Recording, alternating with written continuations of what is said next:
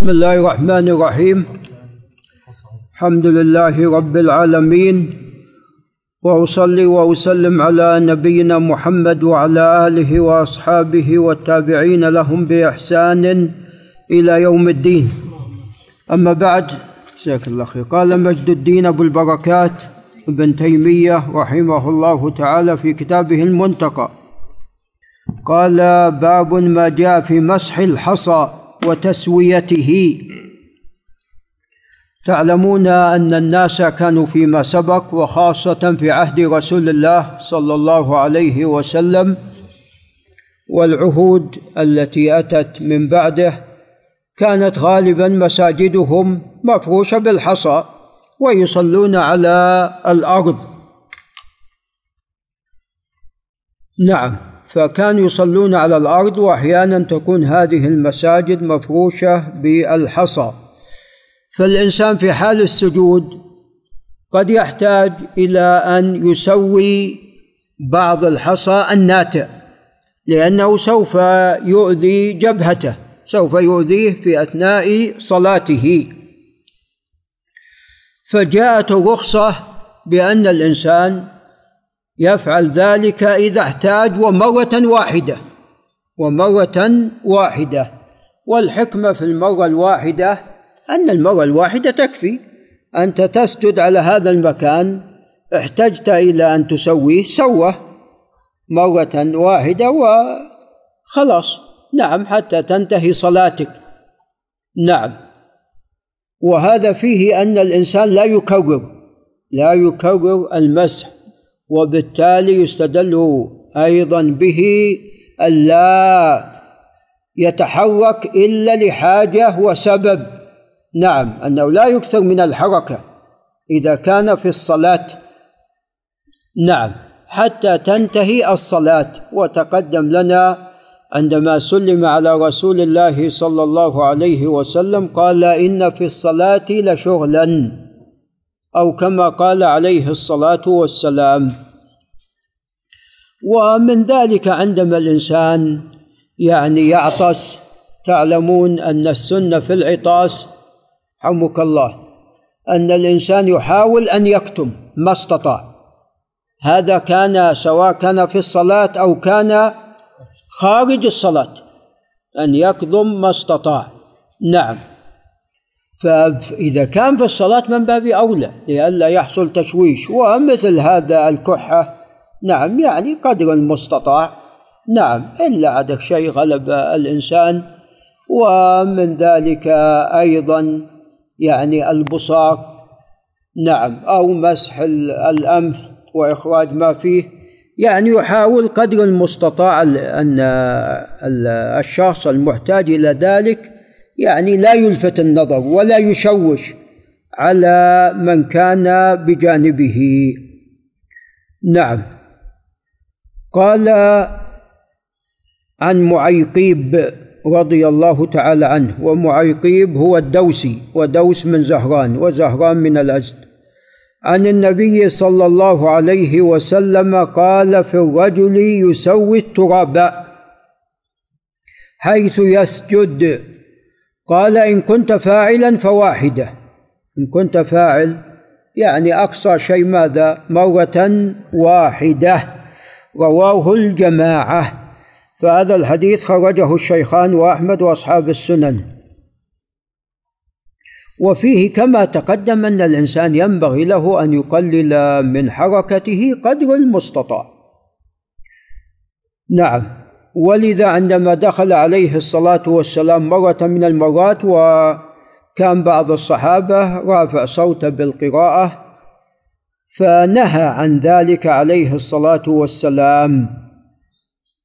لأن هذا فيه يعني تشويش يعني كل واحد يقرأ ويرفع صوته يكون فيه تشويش على الآخرين.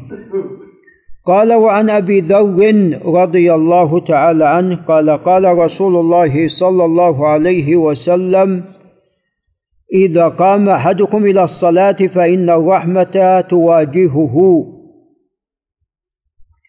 الرحمة تواجهه من الله سبحانه وتعالى فإنه ينصب وجهه لوجه عبده ما لم يلتفت سواء كان هذا الالتفات حسي أو معنوي إلا التفاتا حسيا لحاجة. تقدم ذلك لنا فيما سبق. فلا يمسح الحصى أيضا تواجهه والله أعلم في السجود. وأقرب ما يكون العبد من ربه وهو ساجد. فهو اذا في رحمة الله حتى ينتهي من صلاته. فلا يمسح الحصى. رواه الخمسة. قال وفي رواية لأحمد سألت النبي صلى الله عليه وسلم عن كل شيء حتى سألته عن مسح الحصى. فقال واحدة أو دع.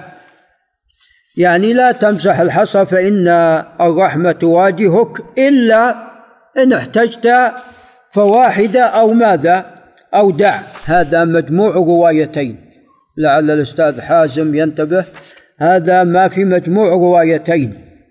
نعم وطبعا حديث معيقيب السابق يؤيد الرواية الثانية. والذي يبدو أن الرواية الأولى قد اختصرت. إذا قام أحدكم إلى الصلاة فإن الرحمة تواجهه فلا يمسح الحصى إلا واحدة أو دع نعم إن احتجت إلى أن تمسح بحيث تسوي محل السجود لأن لا شك إن كان هناك حصاة بارزة فسوف تؤلمك تؤذيك وبالتالي لن ترتاح في صلاتك وتخشع في هذه الصلاة.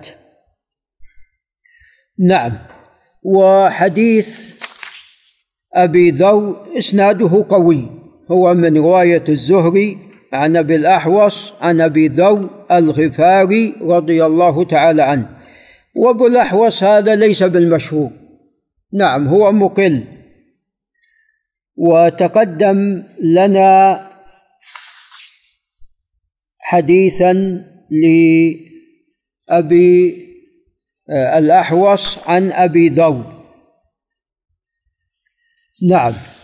والترمذي قد صحح الحديث قد صحح حديثه السابق. وماذا قال عن هذا الحديث؟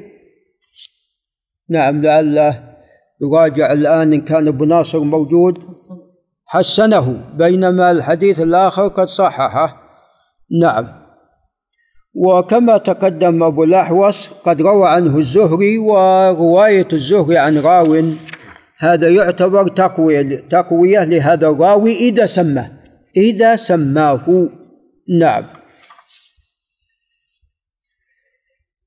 إذا الإنسان يعني يحاول قدر المستطاع أنه يقلل من حركته وأنه إذا احتاج إلى أن يتحرك فلا بأس ومن ذلك مسح الحصى ولكن لا يفعل ذلك إلا مرة واحدة. قال باب كراهة أن يصلي باب كراهة أن يصلي الرجل معقوص الشعر. معقوص الشعر أي قد جمع شعره. نعم.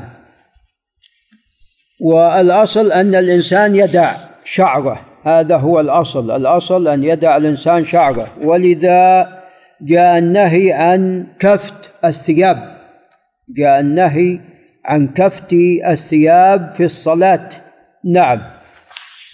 والذي يبدو والله أعلم يعني دع الشعر يسجد ودع الثياب تسجد معك.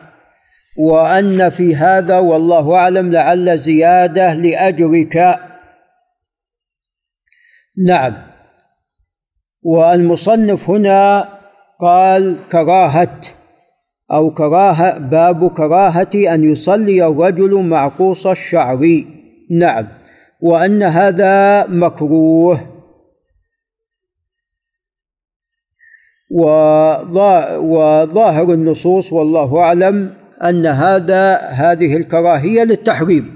أن هذه الكراهية للتحريم كما سوف يأتي.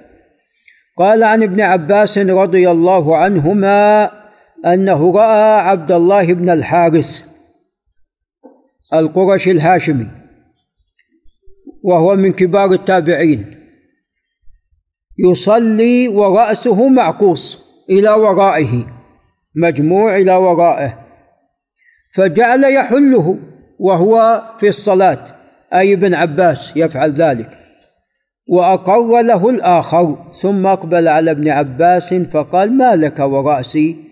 قال إني سمعت رسول الله صلى الله عليه وسلم يقول إنما مثل هذا كمثل الذي يصلي وهو مكتوف. نعم. يعني كأنه مقيد. نعم. ولا شك أن الإنسان عندما يصلي وهو مكتوف مقيد لن يستطيع أن يسجد في هذه الحالة. وبالتالي بعض أفعال الصلاة قد لا يستطيع أن يأتي بها. نعم. فكأنه عندما منع رأسه أو بقية شعره من السجود معه أصبح مثل الذي يصلي وهو مكتوف إذا دع شعرك ودع ثيابك تسجد معك. إي نعم. الشعر شعر الإنسان. قال رواه أحمد ومسلم وأبو داود والنسائي. قال وعن أبي رافع رضي الله تعالى عنه قال نهى النبي صلى الله عليه وسلم أن يصلي الرجل ورأسه معقوس رواه أحمد وابن ماجه ولأبي داود والترمذي معناه. فهذه الرواية فيها النهي أصرح في مسألة حكم هذا الفعل. مع أن أيضا في حديث ابن عباس ما يفيد أن هذا لا يجوز لأن كون الإنسان كما تقدم يصلي وهو مكتوف ما راح يأتي ببعض أركان الصلاة على الوجه المطلوب. فهكذا شبه الذي يصلي ورأسه معقوس إذا دع شعرك. قال باب كراهة تنخم المصلي قبله أو عن يمينه. الإنسان يحتاج إلى أن يتنخم أحيانا في صلاته. فماذا يفعل؟ عندنا نعم حالتان حالة فيها نهي وحالة مباحة. النهي لا تتنخم قبل القبلة لأن الله عز وجل ينصب وجهه تجاه وجه عبده في أثناء الصلاة. والأمر الثاني أيضا عن يمينه لأن عن يمينه ملك عن يمينه ملك. فإذا ممنوع هو عن هذين الأمرين في هذه الحالة. نعم فالشيء المباح عن يساره أو تحت قدمه. نعم يبصق. وأما أمامه وعن يمينه فهذا ممنوع. وتلاحظون أن الدين والشرع لم يدع لنا شيئا فيما يتعلق بأمر الدين أو الدنيا إلا وقد نبهنا عليه. قال عن ابي هريره وأبي سعيد. طبعا أيضا الإنسان ممنوع أن يبصق في المحراب قبلته. نعم أمر عليه الصلاة والسلام من فعل ذلك أن يعني يغير عن الإمامة وأن يزال عن الإمامة لفعله هذا. قال عن أبي هريرة وأبي سعيد الخدري رضي الله عنهما أن الرسول صلى الله عليه وسلم رأى نخامة في جدار في جدار المسجد. فتناول حصاة فحتها وقال إذا تنخم أحدكم فلا يتنخم قبل وجهه ولا عن يمينه وليبصق عن يساره أو تحت قدمه اليسرى متفق عليه. وفي رواية للبخاري فيدفن فيدفنها. نعم. لأن إذا بقيت ولم تدفن فقد يأتي شخص يطع عليها ولا يسجد عليها. نعم. فأمر بدفنها عليه الصلاة والسلام. نعم وهذا إذا كانت المساجد كما تقدم مكشوفة غير مغطاة بالسجاد. نعم وإلا فعليك أن تبصق في منديل إن كان منديل معك وإن كان ليس هناك منديل في غترتك. نعم أو عمامتك. نعم. قال وعن أنس بن مالك رضي الله عنه أن النبي صلى الله عليه وسلم قال إذا قام أحدكم في صلاته فلا يبزقن قبل قبلته ولكن عن يساره أو تحت قدمه ثم أخذ طرف ردائه فبصق فيه ورد بعضه على بعض فقال أو يفعل هكذا. قال رواه أحمد والبخاري. ولأحمد ومسلم نحوه بمعناه من حديث أبي هريرة رضي الله تعالى عنه. نعم قال باب في أن قتل الحية والعقرب والمشي اليسير للحاجة لا يكره. نعم. هنا بوب على مسألتين المسألة الأولى حكم قتل الحيه والعقرب. وما كان في معناهما في أثناء الصلاة. والمسألة الثانية وهي متفرعه عن الأولى والمشي اليسير للحاجة. أنت عندما تريد أن تقتل الحيه أو العقرب قد تحتاج إلى ماذا؟ إلى أن تمشي. وفي قتلك للحيه والعقرب أنت مضطر إلى ذلك. إن تركتها قد ماذا؟ نعم قد تقرصك. نعم وتلدغك. نعم. فأنت محتاج في هذه الحالة إلى ذلك. وسوف يأتينا النهي من أن يمر الإنسان على المصلي وهو يصلي عند قبلته أو قريبا منه وأن على المصلي أن يمنعه. وحتى لو احتاج إلى أن يقاتل فماذا؟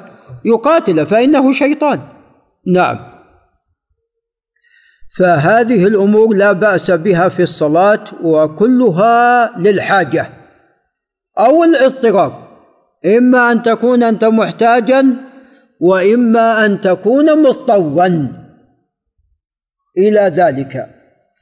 فعند الحاجة والاضطرار لا بأس بذلك. وتقدم لنا أن الالتفات للحاجة أنه لا بأس به وأن الرسول صلى الله عليه وسلم كما في حديث سهل بن الحنظلية عند أبي داود أرسل شخص إلى أعلى الشعب حتى يحرسهم فحضر طلع الفجر ولم يأتي. أقيمت الصلاة ولم يأتي. كان يلتفت عليه الصلاة والسلام إلى الجهة التي أرسله إليها. ثم في أثناء الصلاة كان يلتفت أيضا إلى أن جاء. هذا الذي أرسله عليه الصلاة والسلام.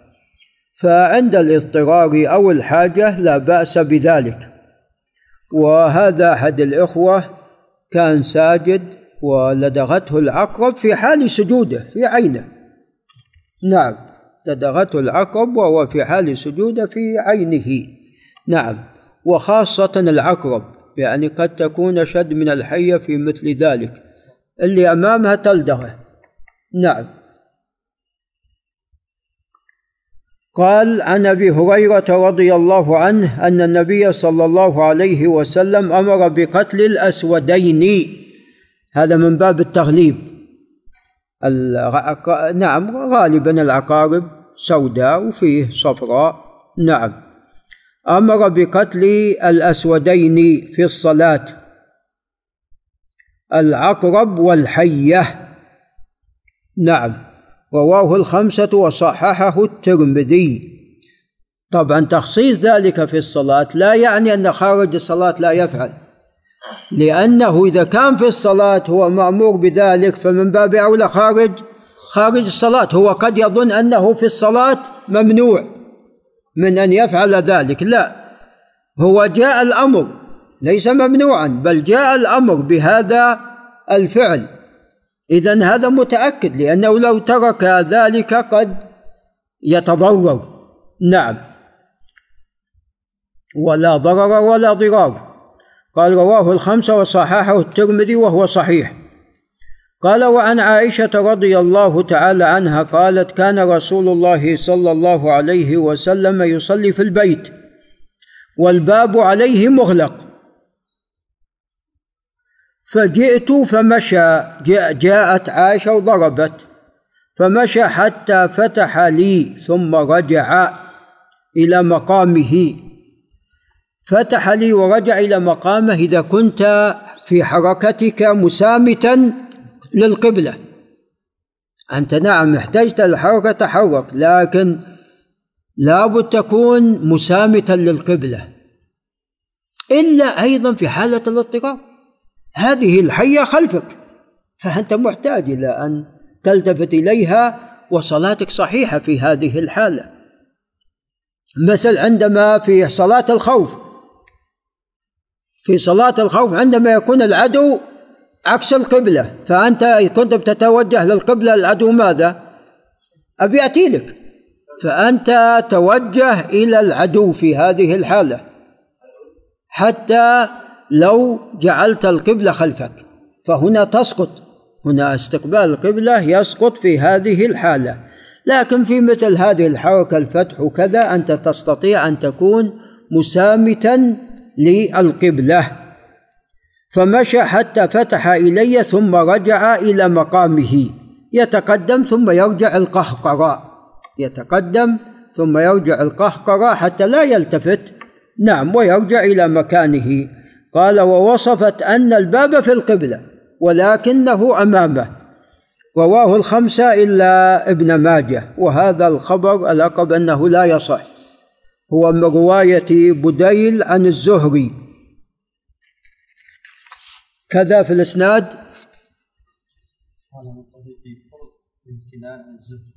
أحسنت برد بن سنان برد بن سنان عن الزهري. أنا قديم العهد به. برد بن سنان وإن كان ثقة ولكن تفرد لا يقبل. لا يقبل عن الزهري فأين أصحاب الزهري؟ هو ليس من المعروفين بالرواية والم... عن الزهري والملازمة له فهو خبر منكر. وأظن أبو حاتم الرازي أنكر. نعم هذا كلام أبي حاتم. وقال ابن أبي حاتم نعم من رواية برد بن سنان عن الزهري عن عروة عن عائشة. قال ابن أبي حاتم في العلل قلت لأبي ما حال هذا الحديث؟ لعل الشيخ محمد العبد الله ينتبه. فقال أبي لم يروي هذا الحديث أحد عن النبي صلى الله عليه وسلم غير برد وهو حديث منكر. ليس يحتمل الزهري مثل هذا الحديث وكان برد يرى القدر. ليس يحتمل الزهري مثل هذا الحديث. يعني برد ما يحتمل مثل هذا الحديث فيتفرد بذلك عن الزهري طبعا هذا على طريقة المتقدمين وأما المتأخرين يقول رجال كلهم ثقات فإسناد ماذا؟ صحيح. لكن هذا مو بصحيح. هذا ليس بصحيح. وين أصحاب الزهري الملازمين له حتى يتفرد برد بن سنان بهذا الحديث؟ نعم فهذا خبر منكر ولا يصح. قال باب في أن عمل القلب لا يبطل وإن طال. لا يبطل الصلاة. والمقصود لعل الدكتور حسن ينتبه المقصود بعمل القلب عندما الإنسان ينشغل في غير ماذا؟ في غير الصلاة. ينشغل قلبه في غير الصلاة. هو نعم لا يتحرك. وفي مكانه. ومصطف في مكانه. ولكن قلبه أين؟ نعم خارج الصلاة. نعم. فهذا الشيء وإن طال فإنه لا يبطل الصلاة كما قال المصنف. وهذا مذهب الجمهور. وذهب أبو حامد الغزالي ولعله أبو الوفاء لعل أبو الوفاء بن عقيل إلى أن إذا كان يعني هذا قد غلب عليه إلى أن يعيد الصلاة. إلى أن يعيد الصلاة ولكن الصواب هو مذهب الجمهور. ولكن أجره ماذا؟ ينقص. ليس لك من صلاتك إلا ماذا؟ ما عقلت. ليس لك من صلاتك إلا ما عقلت منها. قال عن أبي هريرة رضي الله عنه أن الرسول صلى الله عليه وسلم قال إذا نودي للصلاة أدبر الشيطان وله ضراط حتى لا يسمع الأذان. الشيطان لا يريد أن يسمع الأذان.